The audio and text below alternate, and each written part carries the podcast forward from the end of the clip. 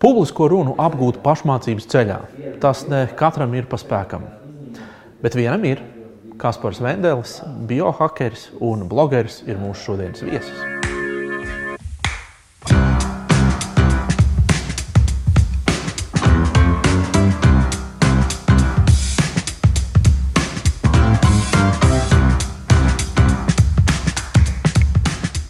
Esiet sveicināti diena pēc podkāstu kārtējā epizode. Um, mans vārds ir Kristaps Petersons. Mēs šodien kopā ar Oskaru Priedi esam aicinājuši studijā ciemiņu. Un mēs runāsim šodien par, par daudzām lietām, bet uh, viena no lietām noteikti būs uh, par pašmācību. Publiskajā runā pašmācību. Kaspars Mendels ir uh, Latvijā biohacking kustības viens no dibinātājiem un aktīvs tās sludinātājs. Es atļaušos lietot šo vārdu. Tā kā mēs arī, jā, vēstnieks, tā kā mēs runājam par komunikāciju un, nu, ja tu kaut ko ievies tautā, tad ir diezgan daudz par to jārunā. Bet tā labā ziņa, ka sludinātājs nav visu kaut kādu, kā saka, sūdu iesmērēt, bet tiešām labas lietas. Ilgdzīvošana, labsajūta, veselīgums, aktīva smadzeņu darbība. Nu, ko tik jūs tur nedarāt? Un Atklāšu arī es esmu diezgan liels šīs kustības piekritējs. Nu, es gan tā no maliņas, no maliņas skatos. Aliņģi ielien ik pa laikam, ik pa laikam atgādina sev, ka varbūt nevajag ēst visu pēc kārtas. Ja? Un tā tālāk, un miegam jāpievērš uzmanība. Varbūt var padalīties, kas bija tie tavi soļi nu, pēc tam, kad tu biji nolēmis, ka tu to darīsi. Kas bija tīri praktiski, jo mūsu skatītājiem tas var būt ļoti interesants dzīves piemērs. No, kas saka, angļuiski, average Joe. Ja? Nu, tāds vidēji parasts nu, saka, nācijas pārstāvis izlēma, es būšu publisks runātājs, pēc tam labs. Ko tu darīji? Nu, droši vien jau tas vidējais Joe izlemt būt labs. Tas nav īsti viņa, viņa nu, varā. Viņa. Tas būs citiem novērtējumā, ja, bet izlemt par tādu kļūt, teiksim, par runātāju, to var ja, praktiski jebkurš. Tas, kas noteikti man palīdzēja, pirms es spēru tādu apzinātu soli, iet tajā virzienā, lai kāptu uz skatuvēm un, un uzstātos runāt, un, un pat varbūt kādam arī noderīgas lietas, Man noteikti palīdzēja tas, ka es pirms tam biju diezgan dziļi iekšā ēdienu gatavošanas jomā. Mm -hmm. Un es vairāk kā piecus gadus biju vadījis ēst gatavošanas seminārus un meistarklases, kas, protams, ir nu, regulāri starp 10 un 20 cilvēkiem, kas deva jau tādu zināmu pieredzi mm -hmm. runāt auditorijas priekšā. Un tāpēc eh, šobrīd, skatoties atpakaļ, un droši vien jau tās formulas ehm, katram ir visdažādākās, kā viņš var līdz tam nonākt, un neviens nebūs īstais, pareizais.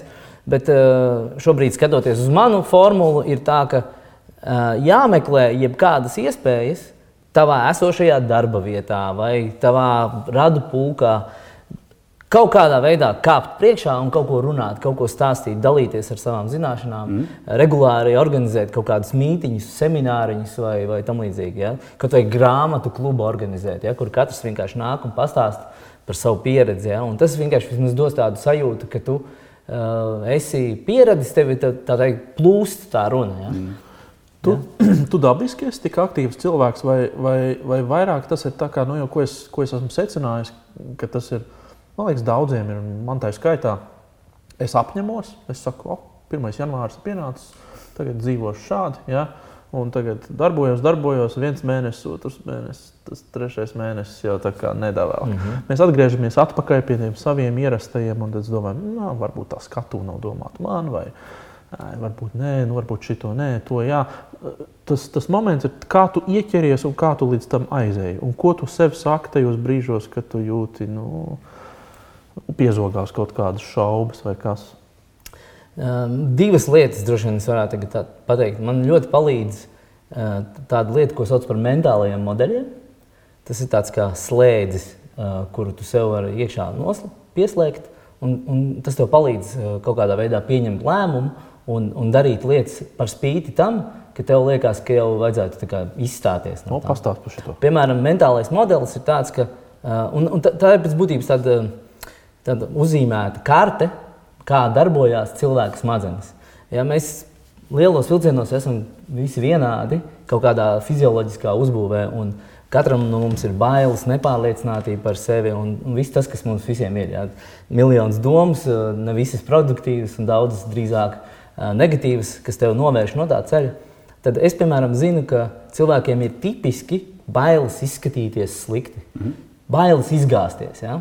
Un vienam viņš ir izteikts, vienam ir ļoti neizteikts, bet visiem tas ir vairāk vai mazāk. Tāpēc mēs skatāmies spogulī, tāpēc mēs eh, darām kaut kādas lietas, kurā mēs varam nomērīties pret pārējiem. Un, ja zini šo faktu, eh, tas, tas ļauj vieglāk tikt pāri šīm bailēm. Tāpēc, ka tu zini, ka visiem tas ir. Mhm. Un tad ir viegli būt, piemēram, nu, visi nekāps, visas pasaules iedzīvotāji nekāps uz skatuves. Tu visticamāk būsi kaut kādā ļoti mazā procentā starp cilvēkiem, kas to darīs. Tas nozīmē, ka tu jau automātiski saki, ok, es būšu izvēlējušies būt starp tiem dažiem, nezinu, pieciem procentiem, kas to darīs, kas apzinās šo bailes no sliktas, slikta izskata, no izgāšanās. Tas būtu numur viens. Numur divi, kas ir varbūt pats svarīgākais un kas ir um, pēdējā laikā, nu, ja mēs runājam par to veselīgo dzīvesveidu, viena no lietām, par ko es ļoti daudz runāju un mēģinu uh, starp citu, runājot ar citiem, pats sev to galvenokārt atgādināt, ka tas lielais dzīves mērķis, lielais dzīves uzstādījums ir tas, kas cilvēkiem palīdz no rīta agri pamosties, kas ļauj dzīvot otrdienu, trešdienu un ceturtdienu laimīgi un forši un piepildīti. Nevis tikai, kad ir atvaļinājums. Un kas, ko tas nozīmē? Tas nozīmē, ka, ja es redzu, ka man priekšā ir kaut kāda lielāka vīzija, polārā zvaigzne, tad es zinu, ka ar to man būs vieglāk tikt pāri tiem grūtajiem brīžiem, kad tev liekas, ka nu, viss neiet no rokas, un, un tas pilnīgi nekas nebija, un izgāzos, un, un. Mm. Es esmu dzirdējis par to, ka labi sanāk tās lietas tiem cilvēkiem, kuri ļoti labi spēj vizualizēt. Proti, ja es spēju iztēloties to savu mērķu, uz ko es eju, to polāru zvaigzni, tā, jo es viņu ļoti labi redzu, un es pat viņu varbūt jūtu, sasmažoju vai pa kaut kādām maņām jūtu, tad man ir vieglāk kustēties uz to, jo es varu arī pateikt, nu, es gribu būt miljonārs. Ja? Bet es varbūt nespēju iztēloties to tik labi, vai kaut kā tā. Es tikai to vārdos esmu definējis. Tam ir ļoti grūti nonākt līdz tam. Nu, es vienkārši tā uh, spēlēju. Šeit varbūt, es saprotu, jums ir par publisko runu, Jā. tad varētu noderēt uh, atbildi uz, uz tavu jautājumu arī vienlaicīgi kā mazs mas knifiņš priekš publiskas runas. Uh, sev pateikt, es gribu būt miljonārs vai vienalga ko, Mēs varam katrs sev un pat ar visu labāko iztēlošanos, iespējams, ka tas nestrādās tik labi, ja tu to regulāri nepiekopsi. Pēc būtības viss ir treniņš, viss ir vienkārši tāda rītīga atstrādāšana, visu laiku tāda malšana, urpšana un, kā angļuiski saka, drilling. Ja, tāda, mm -hmm. Um, tāpēc arī tā sev iestāstīšana padosies cilvēkiem vieglāk. Mēs jau tik daudz esam iemācīti jau bērnībā no bērnu dārza, no skolas, ka tu neesi muzikāls, tu neesi sportisks, vēl kaut kas, un tad mēs sākam tam ticēt. Savukārt, ja tu sāksi sev stāstīt kaut kādas lietas uh, uz re regulāri, spoguļu priekšā vai kā citādi, tu arī sāksi tam vairāk ticēt. Un, uh, mēs te nonākam pie, pie, pie kā, kā runāt, uzstāties publiski un sev uzlabot.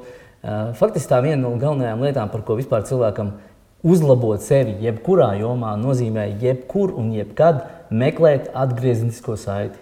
Visu laiku meklēt, jautāt. Un, un tā ir atkal baidīšanās, ka tev kāds pateiks, ka varbūt ka nebija. Ja? Tas, ko mēs ar Oskaru esam darījuši diezgan bieži, mēs Vācijā, es viņam šad un tad aizsūtu balss ziņu, viņš man atsūta balss ziņu uh, ar īsu jautājumu. Nu, klausies, nu, iedod divus, trīs punktus, kas bija slikti. Vai... Mm. Un nevienmēr patīk to dzirdēt. Nu, liekas, ka tev, tu esi boss un tev viss izdodas. Vai tev ir arguments, kāpēc tā bija? jā, jā, jā. jā. Balziņā ir liels pluss, jo īstā sarunā varbūt būtu tieksme iemest savu pretargumentu vai kaut kādu aizstāvēšanās uh, argumentu. Ja? Bet, uh, ja man kas par pajautā, klau, kā man gāja tajā un tajā uzstāšanās reizē un atsūta man teiksim, ierakstu, vai arī es pats esmu bijis tajā konferencē, un es viņam sūtu balziņu, viņš man nevar pārtraukt. Es saku, nu, ja tu man pajautāji, es redzēju tādas lietas, un tagad trīs minūtes ierunāju. Viņš nav viņš spēs noklausīties pēc tam. To. Bet ilgtermiņā tas, protams, strādā. Un Kaspars, tas nav vienkārši izlasīts kaut kur grāmatā vai YouTube noskatīts, viņš reāli to dara. Un man tas, nu, kas saka, nu, klienti ir bijuši daudz, un, Jā, un, un cilvēki, kurus konsultē. Bet es teiktu, tā ir ļoti maza sauņa cilvēka, kas tā dara. Kas tiešām apzināti uzprasās, hei, man vajag izaugsmē tavu profesionālu kritiku. Nu, konstruktīvu, protams, nevis vienkārši pateikt, ah, viss bija gala garām. Nu, tas jau ir. Viens vai divi klienti tādi jā, bijuši jā. vispār. Tam vajag iekšas no vienas puses drosmi, no otras puses, bet kas tad ar tevi var notikt? Nu, ka, nu, tev, tev profesionāls vienalga, vai tā ir publiskā runa, vai varbūt runa par izšūšanu, vienalga, kas tā būtu par jomu, kurā darbojas. Ir dabūjama no eksperta atgriezenisko saiti, kur varbūt ir pilna ar nu, mīnusiņiem, varbūt tikai daži plusi. Nu, ilgtermiņā tas jau tev ļoti, ļoti ceļ. Par to, par to nu, forši, ka tu to pieminēji, arī tas ir pilnīgi mierīgi varam novēlēt jebkuram. Un, un otra lieta ir, kas, ko mēs arī kaut kādā brīdī ar tevi esam apsprieduši, ir visu laiku ierakstīt savas runas uzstāšanās. Mm. Vienkārši telefonos šobrīd ir iebūvēta audio ierakstu funkcija. Ieliec kabatā telefonu, ieslēdz. Ne, tas nekas, kas slikta kvalitāte. Tev jau nav nekur jāpublicē. Un pēc tam vienkārši klausies kā podkāstu, kā tādu, mm. kā jūsu podkāstu. Nākošo vienkārši brauc mašīnā un klausies. Un arī tur tu sevi nevari apmānīt. Tur tu klausies kā no malas, un tu redzi visus Jā. tos parazītu vārdiņus, visus, visas liekvārdības, visas kā to e, o, o ja ir vēl iespēja uzfilmēt, nu, tad pavisam lieliski. Ja? Mm. Tās ir tās atgriezniskās saites, kas ir tik elementāri pieejamas un, un, uh, un kas uzreiz paceļ tevi krietni pakāpienus uz augšu. Klau, uh, tev sanāk diezgan daudz arī tagad par ne tikai konferencēm, bet arī konkrēti uzņēmumos, kolektīvos, kur te aicina un grib par to biohackingu dzirdēt, un grib dzirdēt par kaut kādu balansētāku dzīvesveidu, stresa mazināšanu, nu, daudzām lietām. Un skaidrs, ka tev sanāk stāstīt par tādām nepopulārām lietām, kuras cilvēkiem ir grūti iepārdot. Nu, tādā pārnesā nozīmē, nu, ka, ka augstums ir forši un ēst maz ir forši un cilvēks zelžas ir labi. Un, un, kad tu, un, un kad tu redzi auditorijā, kad ieslēdzas tā reakcija, nu, tas čels, nu, viņš tur pats labi izstāsta, pareizi runā, bet nu, tas nav man. Jā, vai, vai arī kā tu man vienreiz teici, tur taču jāstrādā, kaut kas jādara būs pašam. Jā. Nu, un kad tu redzi auditorijā to reakciju, tev ir pieredze diezgan liela. Kā tu ej ārā no tām situācijām? Tu nolasi, ka viņi neņem, viņi nu, nepērk to tavu saturu. Nu, protams, tev nav par katru cenu jāizsāst, bet nu, tomēr tu nāc ar mērķi nu, mainīt viņu to, to, to, to nu, nezinu, pa pāris grādiem vismaz to kursu. Ja? Kas ir kaut kādi varbūt komunikācijas triki vai, vai paņēmieni, kurus tu izmanto šādās situācijās? Atkal, ja mēs tā pie tiem pašiem mentālajiem modeļiem, mm -hmm. tad ļoti labi zināms ir tas, ka uh, cilvēki ir sevišķi sarežģītas lietas Nu, tā mazā atkāpīta. Pilnīgi katram cilvēkam, sevišķi, ja mēs domājam par to, kā tu kāp uz skatuves un uzstājies, katram cilvēkam sevi kaut kādā mērā jāuzskata kā mārketinga un pārdošanas speciālistam, kā cilvēkam, kas, kas visu laiku mēģina pārdot. Ja? Nu, ne tādā lietoto mašīnu tirgotāju stilā, bet vienkārši tādā globālā nozīmē. Mm -hmm. Mēs visi esam mārketinga speciālisti. Un, Paši un, sev. Un pārdevēji, jā. Un jo jā. ātrāk mēs apzināmies to, Aha. jo vieglāk mums būs arī vispār operēt. Jā, tas ir numurs viens. Un tad tālāk, ja mēs jau runājam par, par cilvēkiem, kuri klausās un eh, bieži vien dzird kaut kādas, nu, nē, nu, augstums, tas nav man, vai vadoties, vai gavēt, tas nu, tā jau totāli nav mana lieta. Jā, un pasakties, vēl ir jāvingro, jā, un tam līdzīgi. Tad tas nē.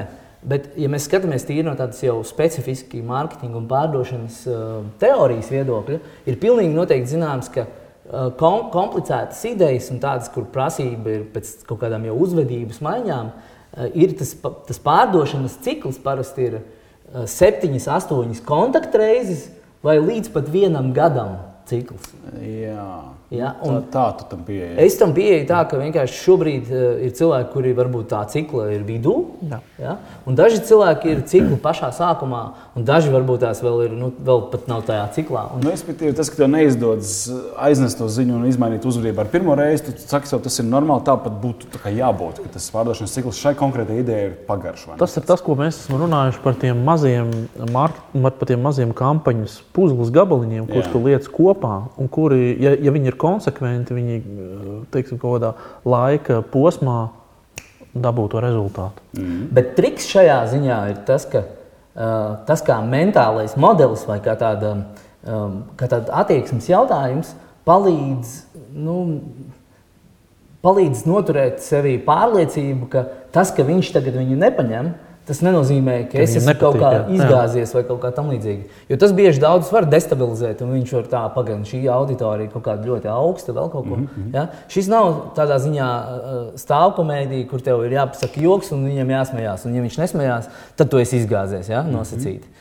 Nu, tad, tad pārnesot to varbūt uz mūsu klausītāju dzīvi, ja, tad ir darbā kaut kāda iniciatīva, projekts, ideja, es teiktu, komisē priekšniecībai vienreiz nokomunicē, viņi ir skeptiski, viņi nepieņem, mums tam nav naudas, mums tam nav laika, mums tam nav resursu. Tu saki, ir ok, tas ir pārdošanas cikls, es esmu tikai pirmajā no septiņiem vai desmit soļiem. Ja? Un tu pilini un tu maini droši vien kanālus, vides un, un veidu, kā to pasniedz.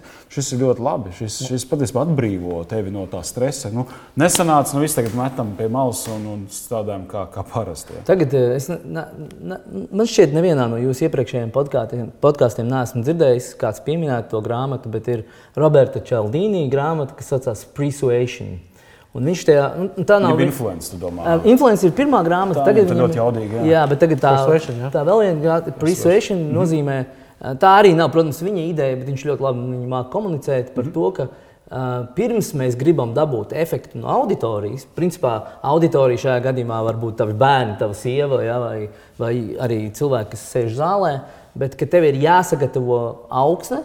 Mm -hmm. Pirms tu vispār gribi dabūt savu efektu. Uh, Un tādēļ uh, bieži vien nu, auditorija, kurā ir uh, nu, teiksim, 70% cilvēku, kuri nav gatavi dzirdēt tavu ideju, bet viņus ir nezinu, šefs atsūtījis tikai tāpēc, ka tā ir bezmaksas uh, brīva stunda ja, viņiem no darba. Uh, es vienkārši to tā uztveru. Pirmkārt, es varu fokusēties uz tiem 30, kuriem jau ir interesēti. Un otrs, es tiem, tiem 70%, cilvēku, 70 to pasniedzu kā sagatavot augsni tālākai iznākumam. Ja. Mm. Vai tas ir tas, ko Karla Popera informācijas teorijā saka par Jā. to, ka 30% ir šī jaunā informācija un 70% ir viņiem zināma informācija, lai viņus nebiedētu? Lai viņi tomēr, nu, tā kā, à, nu, tā kā viņš runā Nē, par mūsu tematu un tā. Tu dozē to jaunu, tu dozē to, to, to, to, to, to instinktīvo. Prātu. Kas ar starp citu var ļoti labi noderēt pie, nu, pie, pie pārliecināšanas, pie ietekmēšanas. Starp citu, par šito runājot, tad, nu, mums tagad ir izdevies saruna, tagad sanāk izdevies. Nu, tā ir. Kā gan ir izdevies saruna? Nē, es domāju tādā ziņā, ka es nu, vairs, varbūt neesmu vairs tik daudz intervējamais, kā vienkārši tāds sarunas. Mēs ceram, jā. Bet uh, es tagad no galvas neatcerēšos, kā sauc to psihologu, bet uh, viņš bija pētījis, um, laikam, man šķiet, ar džēzu saistībā. Viņš bija pētījis auditorijas uztvēršanu un psiholoģisko dinamiku, kas notiek zālē, tad, kad spēlē mūziku, piemēram. Mm. Un, uh, viņa secinājums bija tāds, ka tīri procentuāli sadalot, ja tu vairāk, ja tu tā ievērojami vairāk, nu, teiksim, 60% pāri dod viņam pārāk daudz jaunu, jā, jā. tad viņš uzskatīs, ka tas ir pilnīgs avangards, viņš vienkārši izslēgsies. Ja viņam būs 40% jauns, mm. tad viņam liksies vispār garlaicīgi, jo viss ir zināms. Mm. Un, savukārt tie 50% ir uh, apmēram 50, ko viņš jau sagaida, un 50 ko viņam ir pilnīgs jaunums. Jā, ja? jā. Tas, teiksim, ja tu esi mūziķis uz skatuves, tad tev ir 50% jāspēlē vecās dziesmas, nu, jā. un 50% jāspēlē jā. jaunās dziesmas. Jā, šis, šis, šis labi arī strādās. Tas ir daudz, kur jā. Nu, lielās grupas arī ir jaunās koncertu turnēs, jaunā albuma sakarā. Nu, viņa jau vecos hits spēlē tik viennozīmīgi. bet bet man jaut, jums jautājums par šo te jautājumu. Tagad mēs esam intervējumi. Jā, jā, kā, kā profesionāļiem. Uh, izmantosim kā konsultāciju. Uh, ja, ja teiksim, Nu, pastāv uz to ideju, ka tev ir ne vairāk kā trīs idejas kaut kādas vienā prezentācijā. Sevišķi tā ir īsa prezentācija, varbūt pat viena ideja, ko tev vajag nodot. Kā tur ie, ievērot šo proporciju? 50% zināms, 50% jauns. Mm. Kā, kas, kā tur ar šo spēlēties? Es, es varu atbildēt, ka tādā īsā prezentācijā pilnīgi noteikti ne, nedomā par trīs idejām. Tev ir viena ideja. Un, un šo vienu ideju tu pasniedz mērķē, kas ir sākumam ir jābūt maz, mazam provokatīvam māķim, ka tas, kas uzķer tavu uzmanību, bet tad meties uzreiz un atpakaļ stāst par status quo, stāst par to, par kas ir šodien, kas, ir, kas, kas, notiek, kas notiek tagad. Un, un parāda to, uz kādu apakalipsi mēs ejam, ja mēs nepieņemsim šo jauno pasaules kārtību. Ja? Un tad lēnā mm. garā, lēnā garā tas to, to aiziet atpakaļ. Āķis nokrīt lejā un tad vēl atpakaļ. Jā, papildinot jā, par to, ja tu runā par status quo, tad tu, cilvēks jau to neapzinās, bet viņā rodas piekrišanas sajūta. Ja tu runā, tu atsaucies uz lietām, kuras nu, tie, kas tev klausās, viņi nu, tā ir. Protams, ja tu pārdozē, tad viņiem kļūst garlaicīgi, jo tad viņi, nu, kā jau to zina. Bet ja tas ir tādā mēreni, ja, un ka tu ej uz to, jā, uz, uz ietekmi, kas būs, ja mēs neko nemainām, tāpēc, re, ir man jaunā ideja. Ja, Un tad, jaunais, un tad es domāju, ka tie procenti plus mīnus tā arī var būt. Tur 50, 50. Kas par jautājums tev, vai tu, kur tās tavas zināšanas, ko tu esi mēģinājis un arī apguvis uh, publiskajā runā, kur viņas tev ir aiznesušas? Kur tu tagad, tā, atskatoties no šodienas skatu punkta, varētu teikt, o, ja es mācījos šo, ja es nebūtu mācījies, vai es nebūtu apguvis šīs lietas, tad tas man ļoti apgrūtinātu, piemēram, šo, šo un šo lietu dzīvēm. Uh, jā, nu tāds. Tas ir komplicēts jautājums, bet ja tam ir jāpadomā. Jā, tad, jā, bet... bet es teiktu, ka tāpēc, ka publiskā runa, un sevišķi, ja tu, es ar vien vairāk mēģinu iet tajā virzienā, ka es ar to nodarbojos profesionāli, tas nozīmē, ka es vēl arvien vairāk sevi savā ikdienā ieviešu atgriezniskās saites principu.